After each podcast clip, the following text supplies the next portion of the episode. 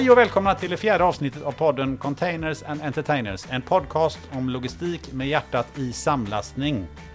Jag heter Gunnar Österreich eh, och som alltid har med mig Linus Alm från Nordicon. Men vi saknar Peter Mike. Det gör vi. Peter han sitter på avbytarbänken idag, tyvärr. Vi kommer sakna honom. Ja, eh, det, det tycker jag är lite jobbigt. Eh, För han står ju dels för att han är en entertainer. Mm, verkligen. Eh, Och sen brukar han ju alltid prata om att han tar lite rött. Ja, jag vet. Det är därför han är hemma idag kanske, att han dricker rött. Eh, nej, jag vet inte. Han, eh, han, eh, han är- kommer vara saknad. Ja, jag- Absolut. jag känner det. Vi, vi får steppa upp där. Men, men jag, för jag hade en fråga där, det ställer ju till lite grann. För att jag vill ju fråga, vad är det för rött han dricker? Han har ju sagt det nu i tre... Ja, det, det vet jag. Det är lådvin. Är det det? Alltså, det finns inga, finns inga speciella viner, utan italienskt lådvin, vet du, det är volym före kvalitet. Ja, men det är härligt. Eh, Ja. eh, Men då får vi klara oss eh, utan Peter och få steppa upp här då. Linus, hur är läget med dig? Jag menar, julen står för, för dörren här. En Mm. container med skumtomtar står, kanske står högst upp på listan. Eh, ja, det också. Skumtomtar gillar jag. Det brukar vi köpa en sån eh, låda med såklart. En container? eh, En 40-fotare? Nej, nej, nej, en sån liten låda. Det brukar vi köpa med skumtomtar. Men, men annars så ehm, eh, har jag gjort min egna glögg i år. Oh! Mm. Från grunden med svagdricka, med jäst och, och eh, ja, potatis och grejer. Den har stått nu i 6 till 8 veckor. Mm. Blir fantastiskt god alltså. Men den, det receptet får vi be Therese eh, att, eh, att få upp på något sätt. eh, Ja. På någon hemsida eller någonstans. Man kan, det- man kan annars gå in på nätet och googla GP-glöggen. den den finns där Okej, alltså, men den är kanonbra är den. Ja, underbart. Ehm, dagens ämne, framtidens logistik, mänsklig kundservice eller automatiserade digitala processer. Ehm, och det ska inte bara bli snack mellan dig och mig. Eh, Nej. Utan vi ska ha en paneldebatt eh, om en stund här där vi förutom dig då har med oss eh, Anders Olsson från Kühne Nagel Mm. och Andreas Wramsmyr från Adnavem. Ehm, eh, så jag tänkte att du och jag tar lite kort uppsnack vad det här kan handla om. Och, och, ehm, eh, du har ju klurat ut det här eh, lite grann. Så jag tänkte, kan du bara berätta om bakgrunden till, till ämnet och, och, och till den här formen som, som debatt? Jag tyckte att det var väldigt spännande att bjuda in eh, två stycken debattörer. Nu är ju Anders och Andreas eh, två stycken eh, väldigt erfarna personer från branschen som kan man säga attackerar eh, spedition och logistik eller transporter i, i största allmänhet från två olika håll. Och så tycker jag samtidigt att de möts någonstans på vägen där. Och, sen är det lite spännande också att ställa Anders och som han representerar då Kühne Nagel och Adnavem, eh, 110 år, 3 år. Eh, utmanare, uppstickare mot det gamla traditionella och det tycker jag blir en ganska så, så spännande debatt, tror vi. Ja, för, för vi ser en väldigt intressant utveckling just nu. Alltså det är de, eh, stora logistikbolag som, bolag som utvecklar egna automatiserade lösningar eh, men har kvar helhetsansvaret gentemot mot kunden. Då. Och så har vi nya aktörer eh, som utgår från systemet och, och kompletterar med kundservice när, när det behövs. Då. Eh, när du har sett det, vad, hur, hur ser du på den utvecklingen spontant? Nej, alltså det är utvecklingen för ehm, effektivisering både i form av kostnader och, eh, och ehm, ehm, processer, alltså förbättrad service och så vidare. Det har ju pågått i många, många, många år. Eh, de stora speditörerna, logistikföretagen, de pumpar ju in många, många miljoner varje år, hundratals miljoner, för att utveckla sina system. Så att den processen, den har ju pågått i många år. Eh, och eh, det gör ju att eh, helt plötsligt så blir den här IT-utvecklingen och effektiviseringen ett konkurrensmedel. Och speditörerna och logistikföretagen har kommit väldigt långt skulle jag säga på den banan. Men här kommer då nya uppstickare som bygger tekniken först och är väldigt asset light och, väldigt låga omkostnader för, för drift och lägger pengar på utveckling av IT-system. Och det är väl samma ambitionsnivå egentligen som eh, speditionsföretagen har. Men det ska bli spännande att höra hur de ser på varandras eh, verksamheter och eh, inte minst på framtiden.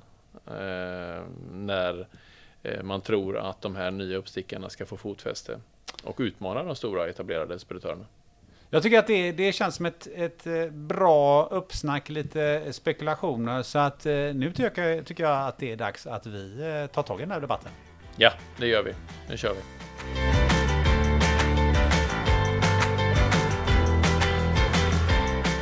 Dagens ämne är alltså framtidens logistik, mänsklig kundservice eller automatiserade digitala processer.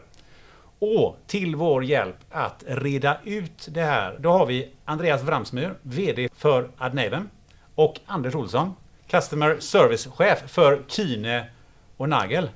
Och sen har vi med oss Linus Alm eh, som eh, här, neutral samlastare. Mm. Ja. Mm. Sufflör. Sufflör och ja. Eh, komma in med neutrala frågor. Välkomna hit allihopa.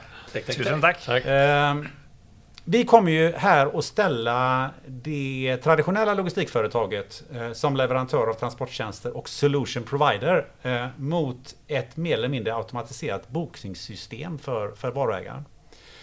Så jag tänkte att jag börjar med dig Andreas. Ehm, kan du ge oss hisspitchen på vad gör Adnavem och hur länge har ni funnits?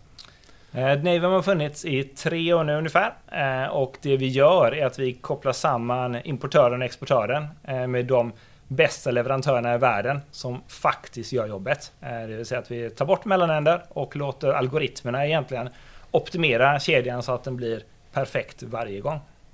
Mm. Vad, vad, vilka fördelar ser du i er affärsmodell? Den stora fördelen för transportköparen blir ju att de egentligen får plockar russinen ur kakan varje gång. Eh, de ser till att få tillgång till hela marknadens alternativ. Eh, och utöver det så, så har vi också en, en, eftersom vi har en automatiserad produkt egentligen, så kan vi också göra affären till en mycket lägre marginal och kostnad än den traditionella speditören. Och, och vad, under de här tre åren, vad har varit de största utmaningarna för er eh, utvecklingsmässigt? Det, vi har många utmaningar eh, som alla startups har idag. Eh, den stora utmaningen såklart är ju att få tekniken att, att fungera som den ska. Eh, vi har en annan utmaning med att koppla upp då världens bästa leverantörer eh, inom både åkerier, eh, tullombud, eh, såklart har vi rederierna med. Eh, vi har en del speditörer runt om i världen också som är uppkopplade. Eh, och vår ambition är ju att alla de här ska finnas tillgängliga eh, så att kunden kan välja bland dem. Eh, sen såklart så måste vi få in kunder. Första kunden, eh, den andra kunden, den tionde kunden och den femtionde kunden. Kino Nagel, eh, ni har ju funnits ganska länge. Eh, jag googlade mig till det att företaget har funnits sedan 1890. Det grundades i Bremen utav eh, August Kühne och Friedrich Nagel. Det stämmer alldeles utmärkt. Ja. Jag var inte riktigt med från början. Det var några år in så gjorde jag entré. På ja, ja, jag förstår detta. Ehm, du, vilka fördelar är det, och nackdelar för den delen, är det med att ha varit med i 110 år? Nackdelarna har jag svårt att se. Eh, det vill säga det finns inga självständiga nackdelar i att, eh, att ha varit länge på en marknad. Det har jag väldigt svårt att tro och tänka så att säga så länge man inte därmed blir förändringsobenägen naturligtvis. Eh, fördelarna är naturligtvis den erfarenhet och det nätverk som vi har byggt på oss. Right? Det är det som är vårt bolags stora styrka. Och vi finns där vi behöver finnas runt om i hela världen. Och jag har kollegor runt omkring mig som har sett det lilla jag inte har lyckats kunna se själv ännu. Vilket gör att det finns en, en erfarenhetsbank och ett valv att luta sig mot när det kommer till transport och logistikkunskap som är otroligt i bolaget kan man säga. Eh, om, om, du skulle vilja sådär, eh, lika mycket hisspitch som, som Andreas körde här alltså. Eh, vad är det viktigaste ni levererar till kunderna? Någon typ av trygghet och stabilitet i en värld som de flesta som jobbar med det just nu upplever en total brist på, men som även i den bästa av tider naturligtvis inom sjöspedition generellt eller sjötransporter generellt inte är vad den borde vara. Right? Tittar vi på ledtidsindex och rapporter från såväl globala som regionala olika trafiker runt om i världen de senaste 5-10 åren så har vi väldigt sällan sett toppar på över 75-80%. Vilket innebär att en fjärdedel till en femtedel av alla transporter blir försenade, hamnar i någon typ av serviceutmaning eller liknande. Right? Och då är frågan lite som ni var inne på när ni pratade igång här förut. Vad är det som händer då? Det vill säga, vad händer när någonting går snett? Vad händer när någonting blir sent? Vem ringer jag? Behöver jag ringa två, tre olika personer? Kan jag ringa en person? Etc. Det skulle jag vilja påstå är vår styrka. Bra. Eh, det där ska vi komma in på naturligtvis. Det kommer bli en del i, i eh, de ämnena vi ska diskutera här. Eh, just det, vad händer när det händer något? Ehm, men man ska ju säga, kunna säga så här, alltså om jag ska vara lite enkelt då. Kino Nagel utgår från kunden och kompletterar med automatiserade lösningar. Medan Adnaven utgår från automatiserade lösningar och kompletterar med, med kundservice. Vad, vad, tror du Linus? Är det, mm.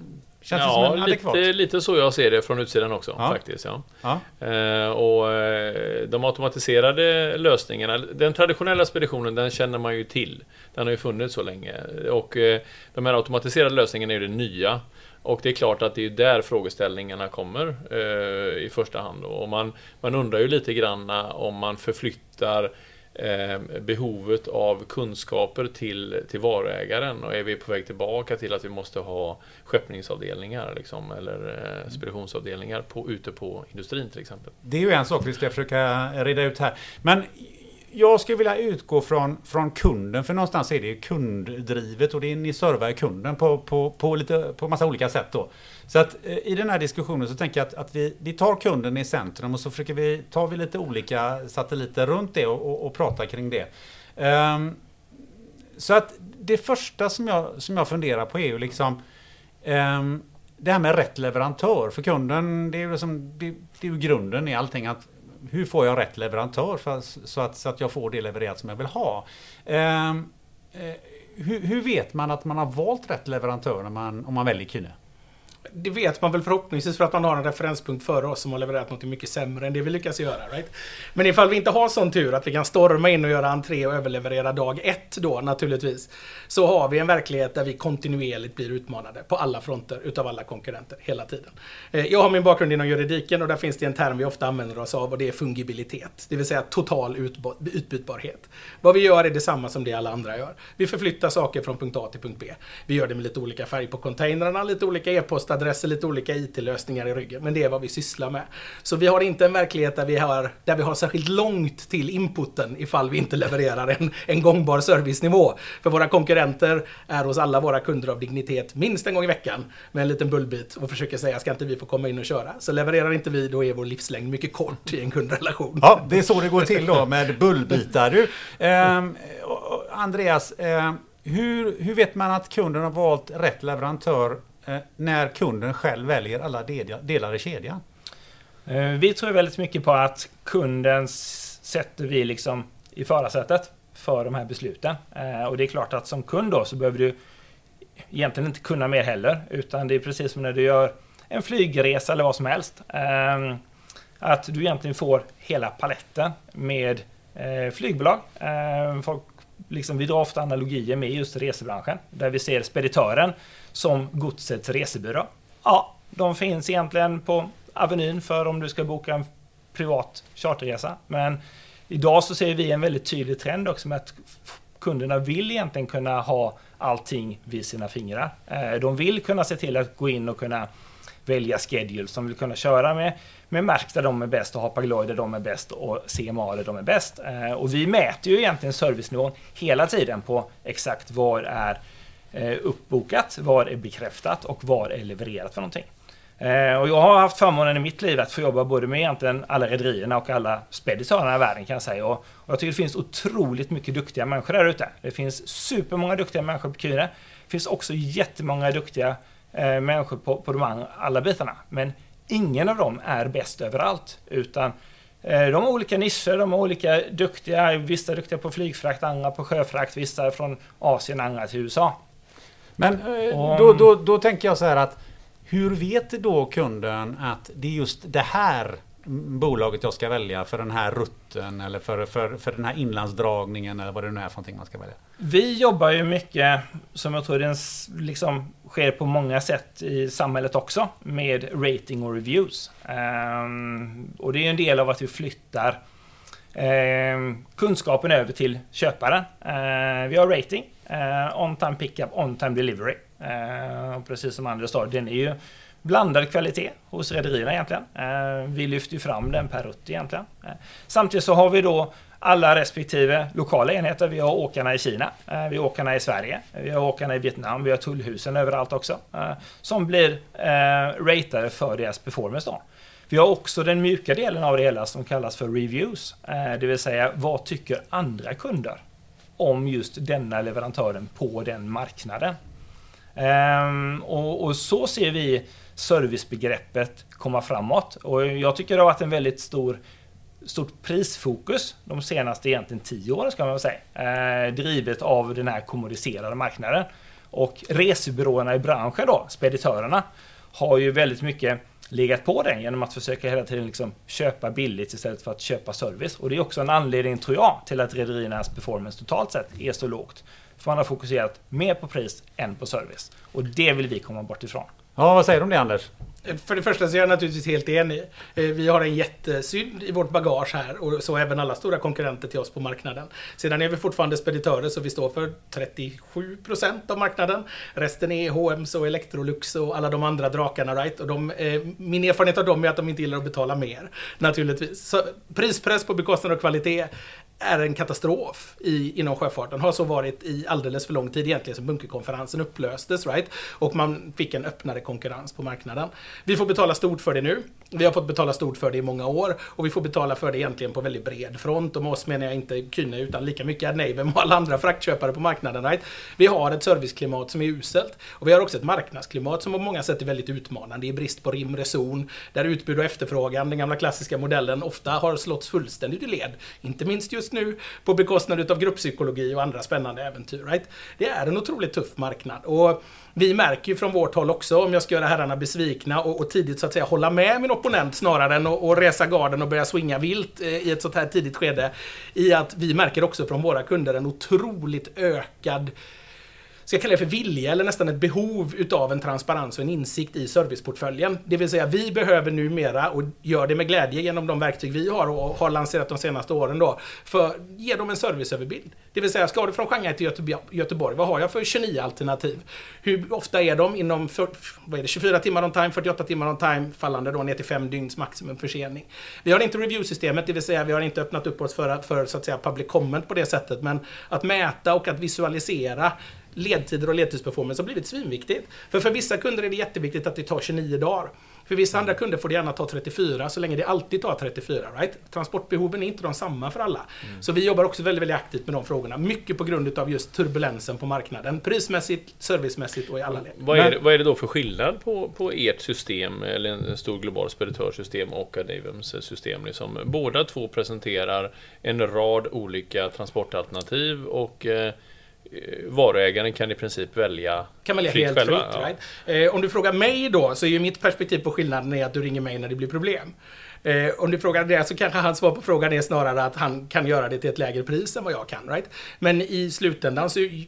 alltså vi utför ju i princip samma transporttjänster med samma underleverantörer. Bara det att, mycket riktigt, eh, i Adnavims fall så har vi ett lager till då, som de inte har utav underleverantör i mitten och det är oss själva. Som transportkoordinator egentligen på många sätt. Då, va? Men vårt utbud, återigen tillbaka till kärnpunkten, flytta saker från punkt A till punkt B. Det mm. sysslar vi med båda. Vi gör det bara på lite olika sätt. Right? Då skulle man kunna säga då, för att vara lite provokativ, att Priset som du får betala för att ha den tryggheten är ett högre pris. Det beror nog lite grann på vilken kund du är och inte minst, nu vet ju jag, tack gode gud, för då hade Margrethe Vestager kommit med högaffeln från EU-kommissionen. Inte vad ni betalar för priset till rederierna. Men med våra 5 miljoner till EU globalt så kommer det ju lite inköpsmuskler också. Så vi vill ju tro att vi med hjälp av vår globala purchasing power kan trycka ner nettot med de effekter det får för marknaden och kvaliteten på den tillräckligt mycket för att vi ska kunna hamna i jämförbar prisbild ändå. Mm. Ibland lyckas vi, ibland lyckas vi inte. Det är inte som att jag aldrig har förlorat en upphandling på pris. Mm. Andreas, behövs eh, speditörerna i det här? Nu är vi inne på en väldigt känslig punkt här och det är ju prislappen egentligen. Eh, tittar vi på Kühne senaste Q3-rapport här så tjänar de ju ungefär 622 schweizerfranc per eh, container, eh, 40-fotare. Och, och, det är ju, motsvarar ungefär 6000 kronor. Eh, och visst, det är klart att de har ju bra avtal med rederierna. Eh, där vi säger att, att rederierna i sin tur, vi lägger inte någon värdering i deras prislapp egentligen. Eh, men vi har ju å andra sidan 6000 kronor att spela på också. Eh, och jag tror väldigt mycket som många har upptäckt nu i den här liksom, eh, dynamiken vi sitter just nu. Att vi får en att rederierna prioriterar det godset som betalar bäst. Det vill säga att, att kan vi, om vi har samma prislapp, Eh, men ni ska tjäna 6 000 kronor per container. Eh, vem får med godset i så fall? Indeed. Och i slutändan så landar det ju på vad köper jag för, vad köper du för och hur mycket av de 6000 kan jag äta upp så att säga. Sedan får vi inte glömma de 6000, jag gillar dem, jag är stolt över dem. Ibland tycker man att vi ska skämmas för dem på samma sätt som jag ofta går till Maersk och MSC och Hapag och tycker de ska skämmas just nu. Med väldigt varierande framgång i de dialogerna kan man säga. Eh, så är det ju också en verklighet där vi naturligtvis har ett globalt average där. Right? Var är vi störst och starkast i Sverige? Och det är på Fjärran Östern-importen. Är det där någon någonsin har hämtat hem mest kosing? Nej. Det är det inte. Mm, mm. Men det är också där vi ser att det är tuffast just nu med containerbrist och andra problem. Men vi är väldigt tydliga i det att i slutändan så är det det som spelar roll för våra kunder. För vi kan gå ut och sälja kvalitet, vi kan gå ut och sälja miljöarbete herregud, visa mig den svenska kund där priset inte utgör åtminstone 80% av beslutsgrunden så blir jag väldigt stolt och glad och vill jobba med dem för alltid. Så vi kommer ju alltid konkurrera med vad är mitt bottom line best offer versus vad är ditt bottom line best offer. Sedan finns det hygienfaktorer och lite kringservicemoment och liknande. Men det är fortfarande punkt A till punkt B. Och den fungibiliteten gör att det kommer alltid vara en prisdriven marknad. Hur mycket jag och många med mig än önskar att det vore annorlunda. Men Linus, hur ser det ut bara? Hur viktigt är priset för, för kunden skulle du vilja säga? Vilket är priset för kunden? Nej, hur viktigt är alltså, hur priset? viktigt är? Ja. Får jag säga vilket också, så kan jag bara skriva lite. Ja, jo, jo. Jag, jag är neutral samlastare och jobbar med speditörer. Så jag säger 80% vet jag inte, Anders. Det kanske är 90. Man byter gärna för en dollar eller två. Nej, alltså jag tycker det är som Anders sa inledningsvis här, att jag tycker att, eh, att eh, kundservice har fått alldeles för lite utrymme inom vår bransch under flera decennier egentligen. Och jag tycker att det är tragiskt. Eh, för att någonstans så tror jag att utvecklingen hade gått mycket snabbare om eh, man hade varit villig att betala för kvalitet och serviceutveckling. Men det är ju en extrem prispress och det är klart att det går ju eh, hela kedjan till oss konsumenter som vill köpa en, en platt-TV för, för 1500 kronor. Liksom. Och det är klart att någonstans på den resan så är man inte villig att betala någonting för att transportera den här platt-TVn ifrån, ifrån Kina. Helt enig så att, så att det, det, är klart att det hänger ihop där. Men, men själv så tycker jag att att eh, priset är naturligtvis viktigt, men jag vill slå ett slag för att höja servicen och utvecklingen och kundservicen och att man skapar skräddarsydda lösningar för kunderna och att man liksom verkligen optimerar logistikkedjan. Det är i alla fall vår ambition inom våra bolag. Men eh, eh Andreas, där, jag tänker på om du har de här eh, 6000 spännen att spela på, så att säga. Eh, skulle man kunna tänka sig att man, man gör så som man kanske har inom, inom flygvärlden då när man köper en flygbiljett så, så, så köper man liksom en punkt, resa punkt A till punkt B. Och sen får du betala för, för att eh, kontakta resebolaget fylla, få ett sms eller få service och så vidare till en viss staffning. Kan man, kan man tänka sig den typen av, av utveckling där, där kunden verkligen bara får betala? Om man vill betala minimipriset så får man leva med det. Eh, jag tror nog att eh, kundbehoven kommer att vara olika. Eh, kundbehoven kommer absolut vara olika framöver här. Eh, jag tror ju att branschen i sin tur behöver tjänster eh, som egentligen snarare säger att, och det är ju en av våra nyckeltal också då, att du faktiskt fakturerar vad du har överenskommit. Eh, för branschen är fylld av avgifter till höger och vänster och det är peak season surcharges och det är andra surcharges och det är, är det ena tillägget efter det andra. Och det är ju inte ofta speditörerna som har kommit på det, utan det är ju de som faktiskt gör jobbet som har kommit på dem. Så att ja, så vi mäter ju nu egentligen invoice reliability på alla de som, som gör sina tjänster via Naven. Och, och det ser vi som ett viktigt serviceparameter för kunderna då. Mm. Så jag, jag, får ju snarare bilden när jag är ute och träffar kunder att de är ju mer intresserade av att veta, okej, okay, men vad kommer det kosta på riktigt? Eh, och kunna, för att kunna planera sin verksamhet, kunna planera sina produktpriser, kunna se till att, att ha en förutsägbarhet i sin egen verksamhet. Eh, för att precis som Linus sa, transportkostnaden är viktig totalt sett och man måste ta med den och planera för det. Det, det, det finns ju lite underförstått då att, att det får man inte reda på om man eh, går till eh, Kyne.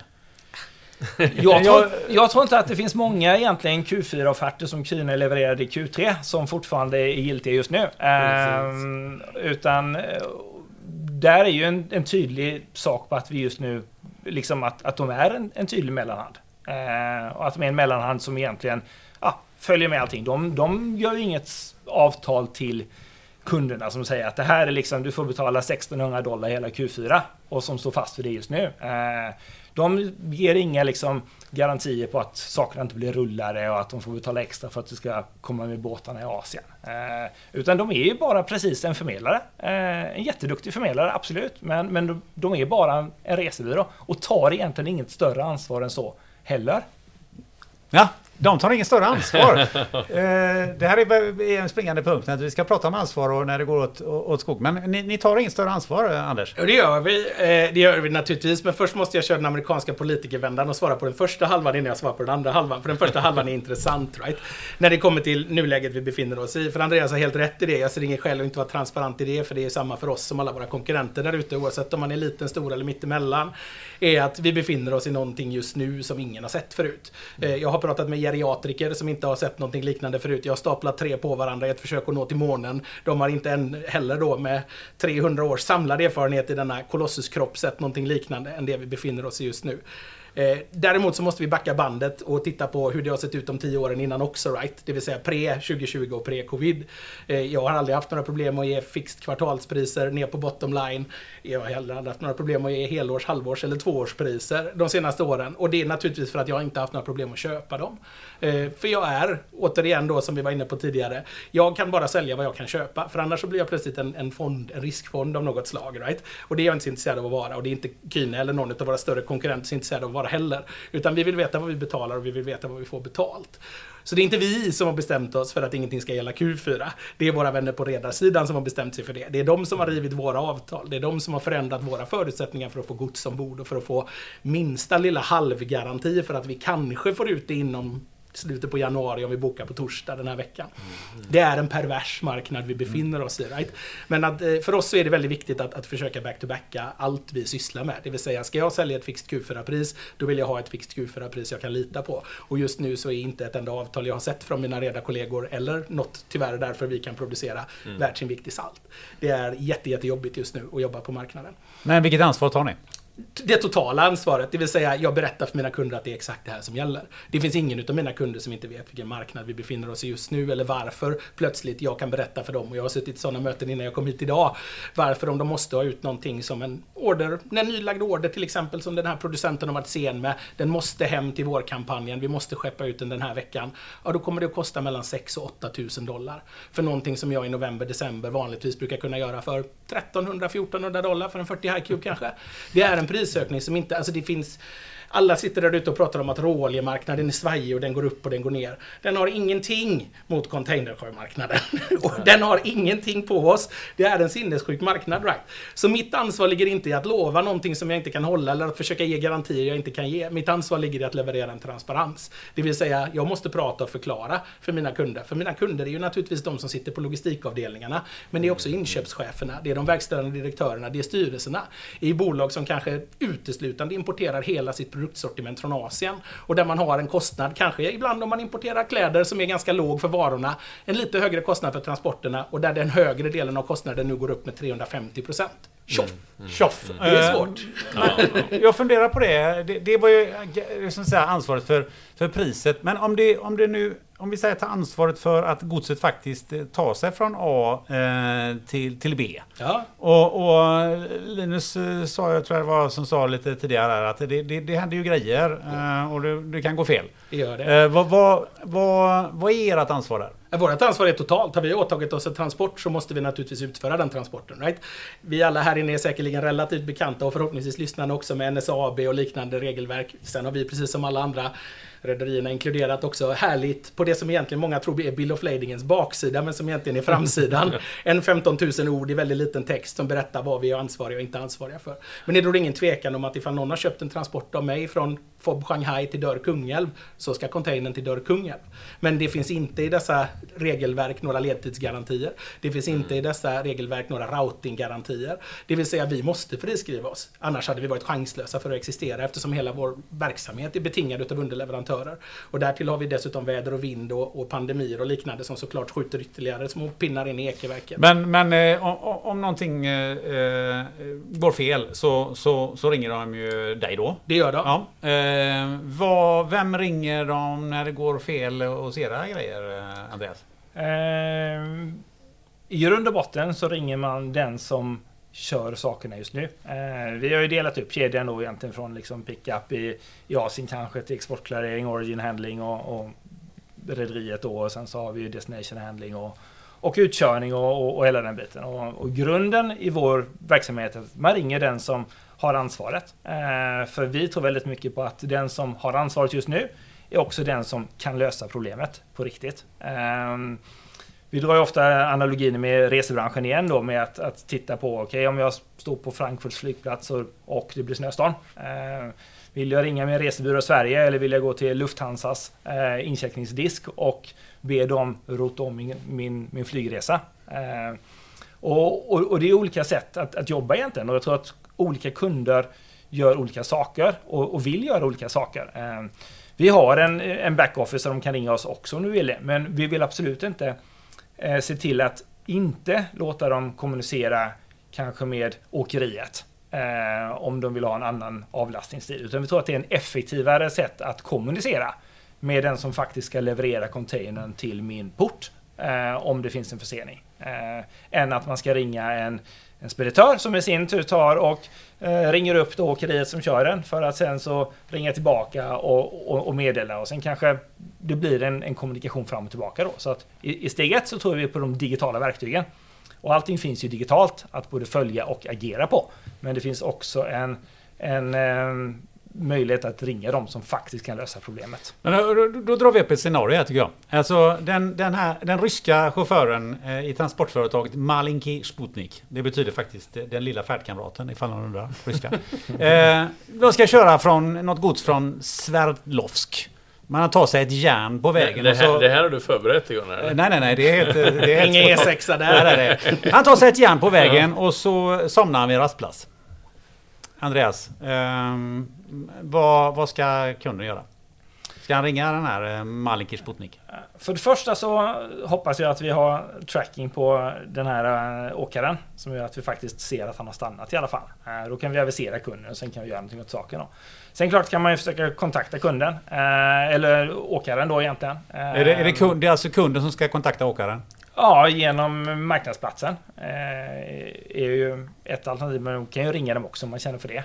Kanske är svårare när det är på ryska. Ehm, men eh, och, och, och, därifrån så får man ju försöka se hur man kan lösa problemet. Eh, och jag ser inte att det är någon skillnad i sig mot hur en, en speditör gör, mer än att ha en annan person som gör det åt dig. Jag bara tänker att eh, det är lite skillnad mellan ett företag som Lufthansa som har 100 000 serviceanställda och, och kanske den här Eh, lokala eh, lastbilsåkaren eller det, det, kan ju vara, nu var det kanske drog till med ett, med ett tufft exempel där, men, men det, det, finns ju ändå trots allt eh, rätt mycket Absolut olika finns det skillnader här och, och där tror jag också att här kommer ju serviceparametern in igen. Eh, vad har du för rating? Vad har du för reviews? Vad tycker de andra om dig? Om du har en kundtjänst som du inte kan nå, ja, det är klart då får du en dålig review, eh, en dålig rating av kunderna och det är ju, jag förmodar att alla här som, som lyssnar har åkt Uber någon gång i sitt liv. Eh, det är ju ingen som väljer en tvåstjärnig eh, chaufför eh, om du åker med Uber. Utan du väljer de fyra och femstjärniga. För det är de du vill jobba med, för du vill ha den servicen.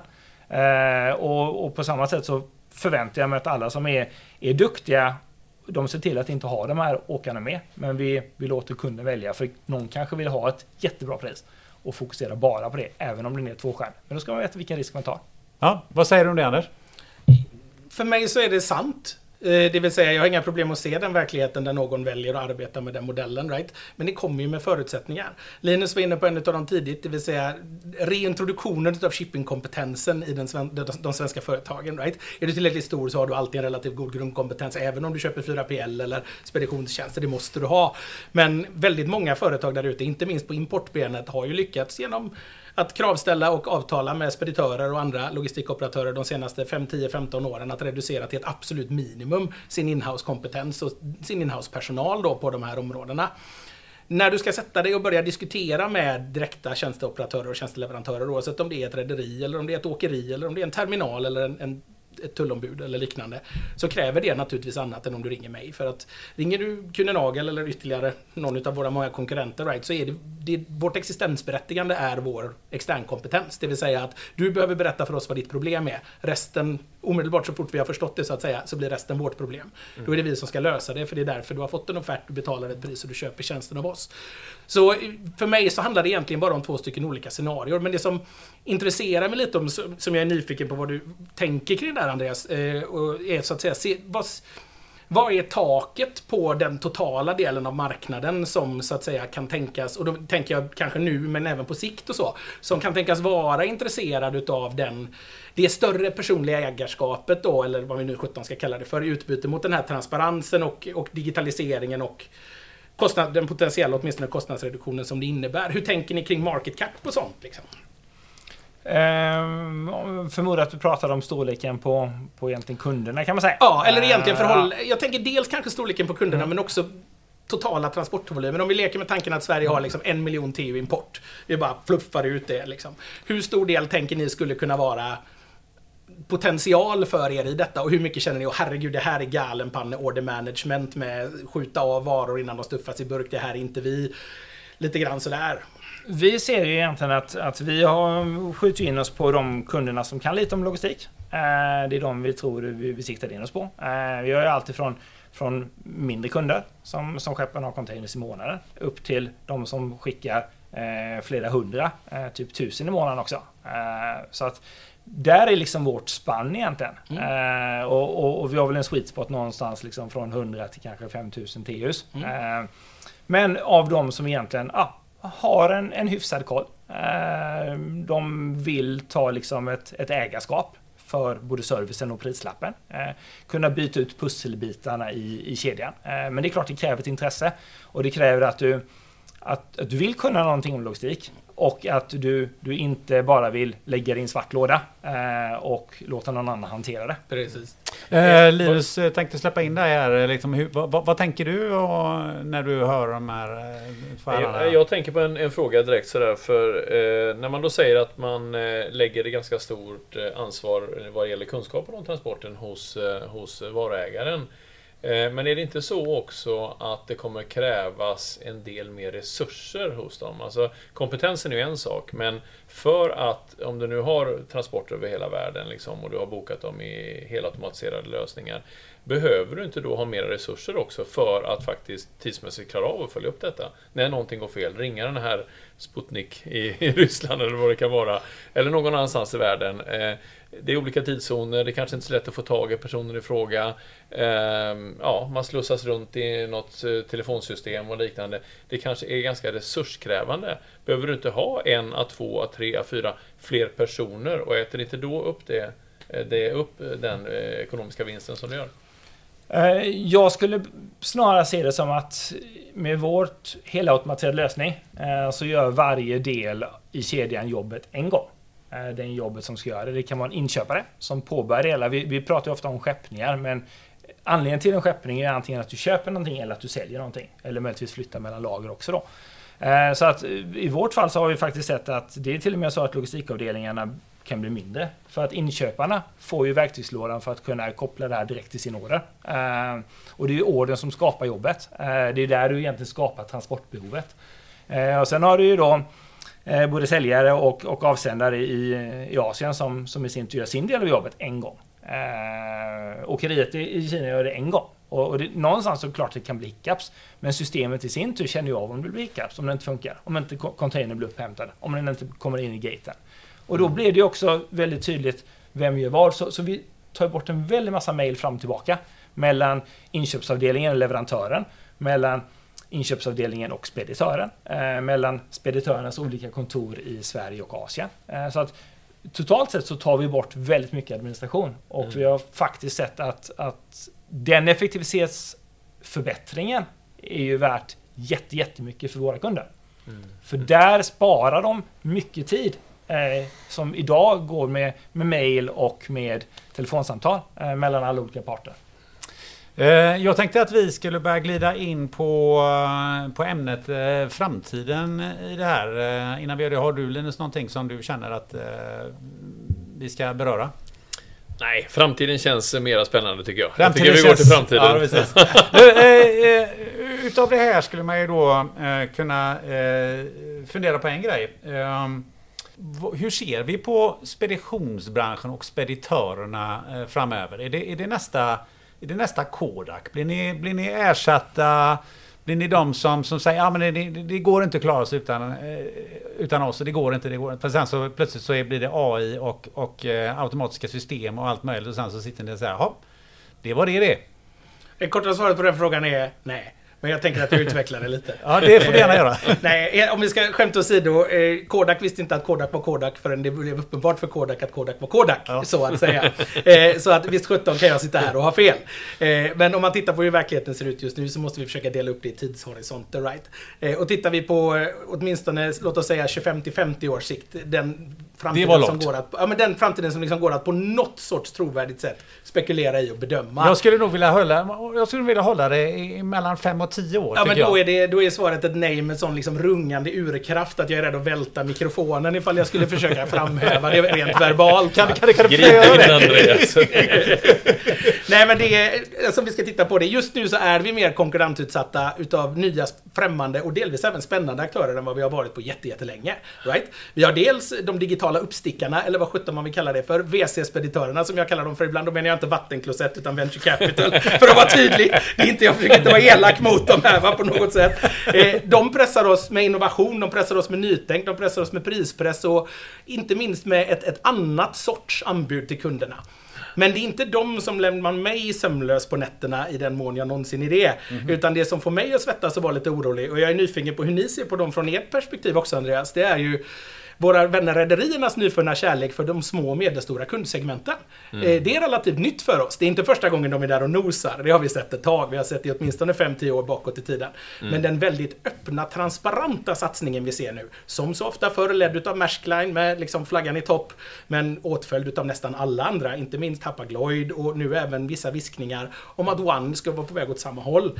Eh, Den, den gör oss jag ska inte säga bekymrade, men nyfikna på något plan. Right? Och visst 17 finns det ett moment av hur bra kan de bli på det här i detta och vad skulle det innebära för oss? För de sitter på hårdvaran. Vi har noll fartyg. Eh, på Kuhnagel. De har väsentliga mängder fartyg och i slutändan kan inte vi göra det vi gör utan dem. Så ifall de vill ta över serviceutbudet helt på längre sikt, vad skulle hända då? Nyfiket sömnlös eh, blir, eh, blir Anders. Vad blir Andreas i, i den här frågan? Jag har en helt annan uppfattning än, än Anders om den här punkten. Jag tror ju att vi redan om 3 till 5 år kommer se extrema förflyttningar i den här branschen. Eh, som Anders var inne på så har vi rederierna. De går sin väg just nu. Eh, för oss tycker jag att det är, det är helt logiskt. Det är det som händer i alla branscher just nu. Att det är asset owner eller de som är producenter som faktiskt ser till att ta bort mellanhänder och kunna leverera sin service till, till slutkunder direkt. Vi ser det inom flera områden. Alltifrån liksom detaljhandeln till resebranschen till allting egentligen. Eh, så- och, och samtidigt så stärker det också liksom behovet av en, en marknadsplats. Att jag tror inte man ska bara jobba med Maersk i hela världen. Jag tror inte bara man ska jobba med Hapag-Lloyd utan du kommer behöva kombinera dem. Men kan eran marknadsplats, eh, ledsen om jag avbryter, men bara Mm. nyfiken fråga så. Kan eran marknadsplats överleva om den bara är liksom prisjakt? Måste den inte vara någonting mer också så att säga? Absolut så är det så. Eh, och vi ser ju att, att Maersk levererar jättebra tjänster runt om i, i stora delar av världen men inte överallt. Eh, men jag tror att kombinera det, eh, både egentligen med deras spotprodukter som, som finns där och, och som kommer väldigt snabbt just nu inom alla rederierna egentligen då. Eh, tillsammans med då kanske de stora nackavtalen som man också själv kan lägga in i marknadsplatsen. Om man nu sitter och förhandlar med rederiet då. Eh, men jag tror absolut att rederierna kommer, kommer kommer vara en drivande faktor här och jag tror att vi har sett det väldigt mycket nu under Q4 också. När vi har den här extrema situationen på marknaden. Ja, men det är rederiernas marknad.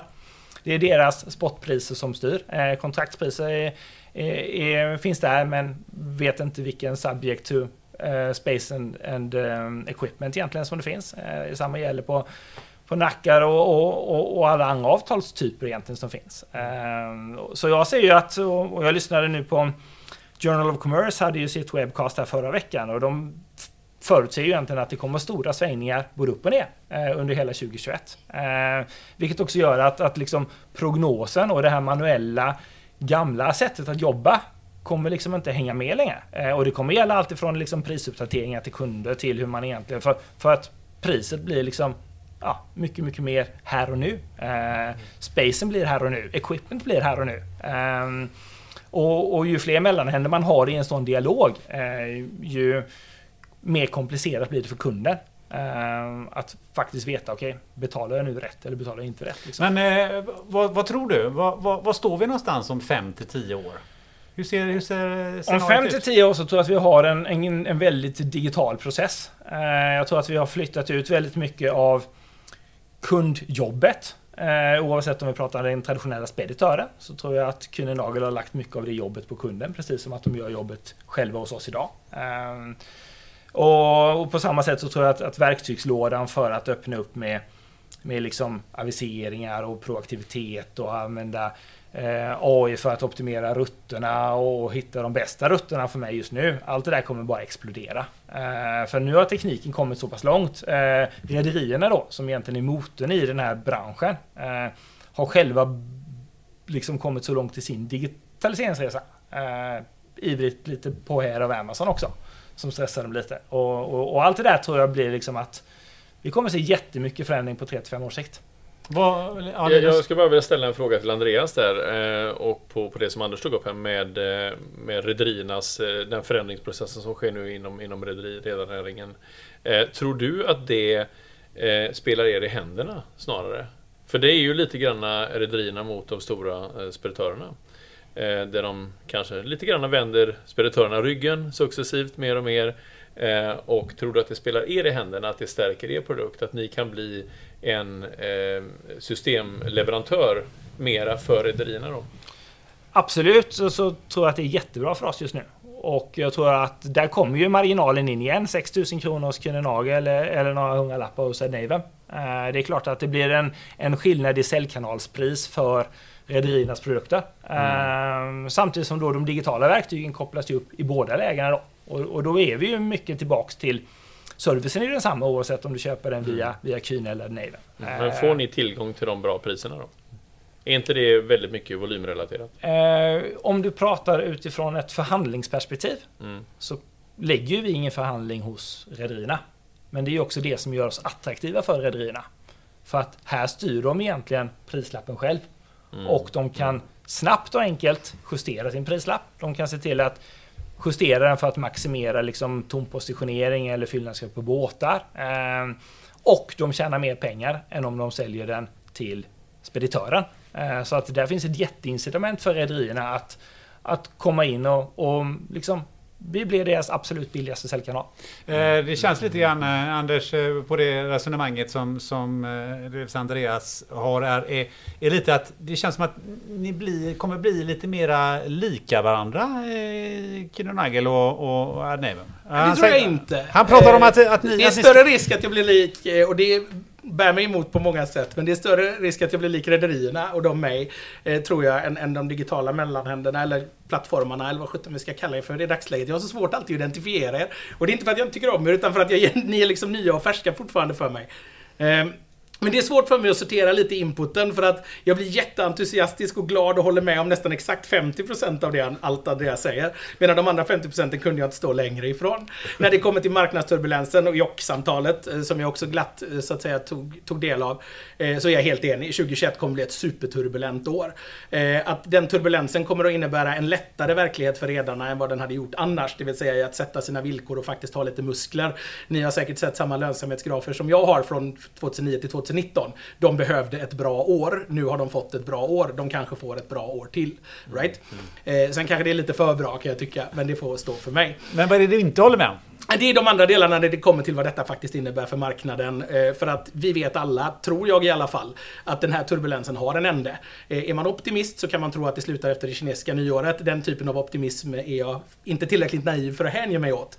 Eh, men att den skulle vara så långt som till nästa jul och nyår, det vill säga ett helt kalenderår till den här marknadsinstabiliteten vi, vi har nu, det ser jag som djupt osannolikt. För i grund och botten så har vi fortfarande en verklighet där vi har en överkapacitet på marknaden. Punkt.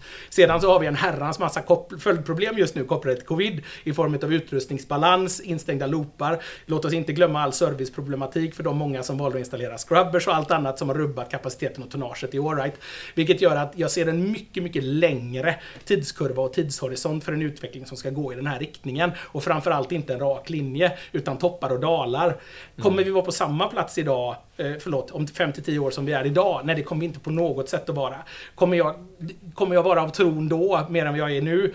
Att vi plötsligt ska bli utrotningshotade i denna nya Brave World, det tror jag inte heller. Men det som är fördelen med Andreas tidshorisont på 3 till 5 år, det är att även jag med mitt tveksamma leverne kommer ändå med stor sannolikhet vara vid liv och kunna se detta. Så om 3 till 5 år kan vi ju ha en follow-up om podden fortfarande lever. Och så ser vi ifall vi liksom lever i någon typ av logistikens motsvarighet till en Brave New World eller ifall vi egentligen är kvar i mångt och mycket i samma verklighet som vi ser nu. Där ni säkert har så att säga ätit upp och blivit större och vuxit med marknadsandelar. Men där jag inte tror att vi kommer se en, en minskning av vår verksamhet de kommande 3-5 åren utan fortsätta det här gallenpannetillväxtracet vi har haft i många år också. Men kommer ni, eh, jag tänker på, kommer ni att lägga ut mer på eh, kunden att göra själv? Den utveckling som vi ser och som har varit glasklar i evigheter nu egentligen, åtminstone sen jag började i den här branschen för 15 år sedan, är ju den rakt motsatta.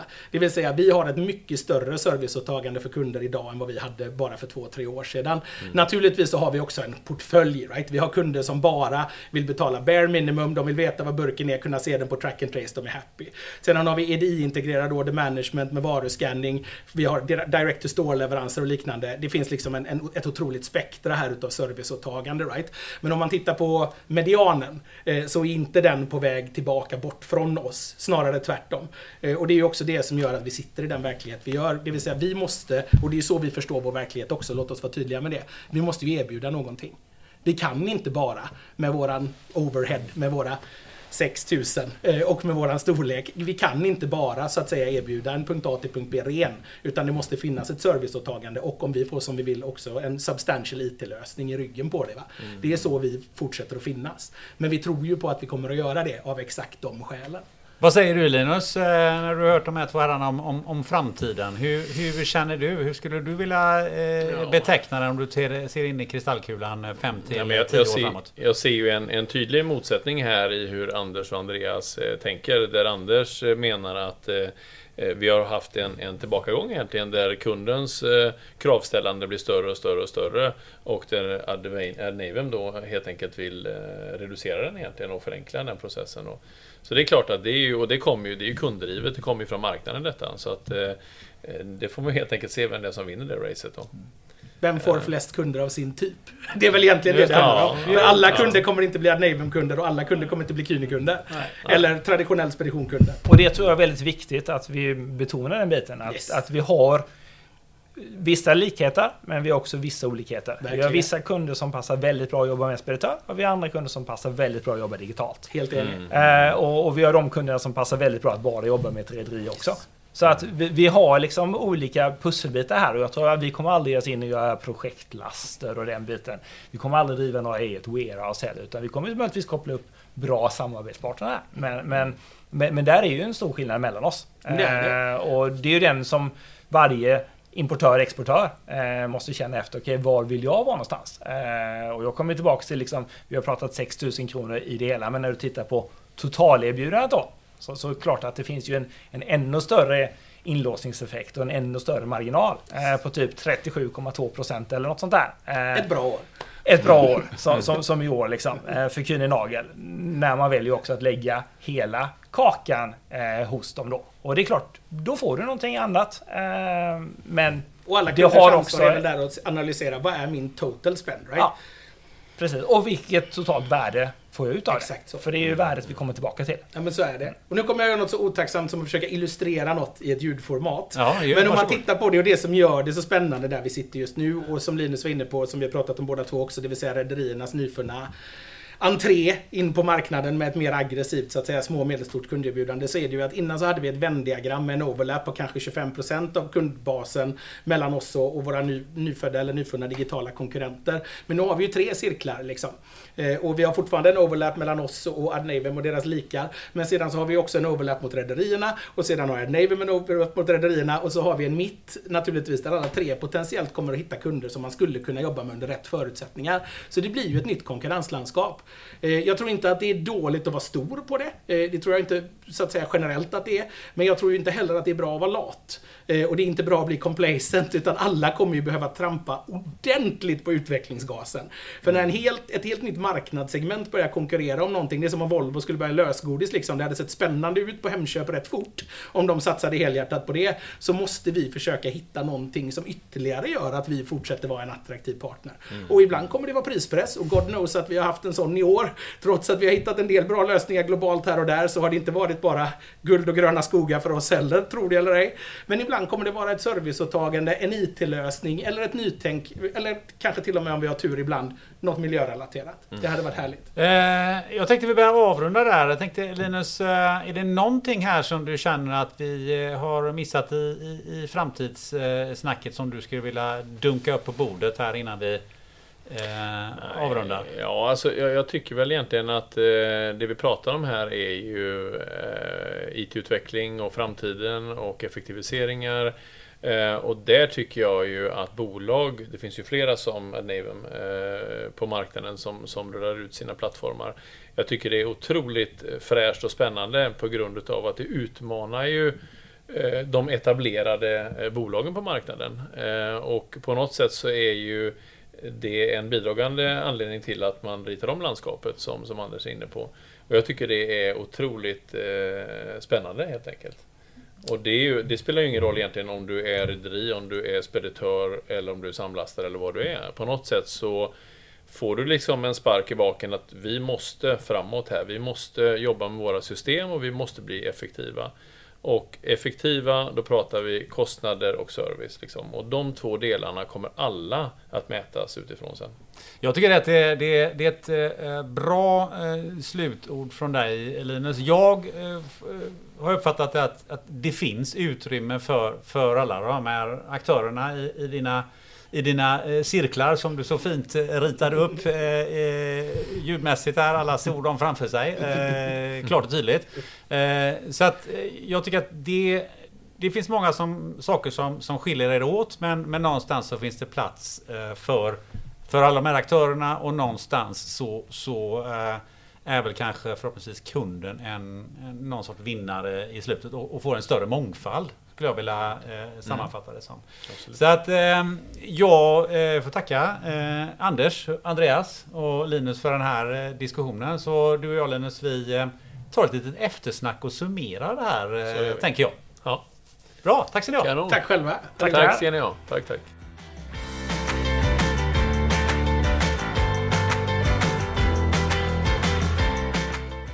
Vad, vad, vad, känner du? Hur tycker du att de skötte sig?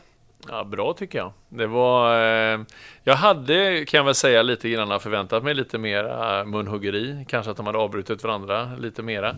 Men eh, nej, jag tycker det är, det är spännande. Det blir lite spänst i diskussionen här, för de kommer ju med väldigt olika uppfattningar, tycker jag. Sen är det ju också så här att eh, eh det är ju lite David mot Goliat eller, eller Goliat mot Andreas nästan. Eh, är ju stort eh, och väletablerat och ett gammalt, eh, världens största logistikföretag. Eh, så det är klart att ehm, sen är det väl så att Anders pratar väl lite grann mera utifrån ehm, spedition och logistik i största allmänhet då, även om, om Kühne används som, eh, som eh, företag i diskussionen väldigt mycket.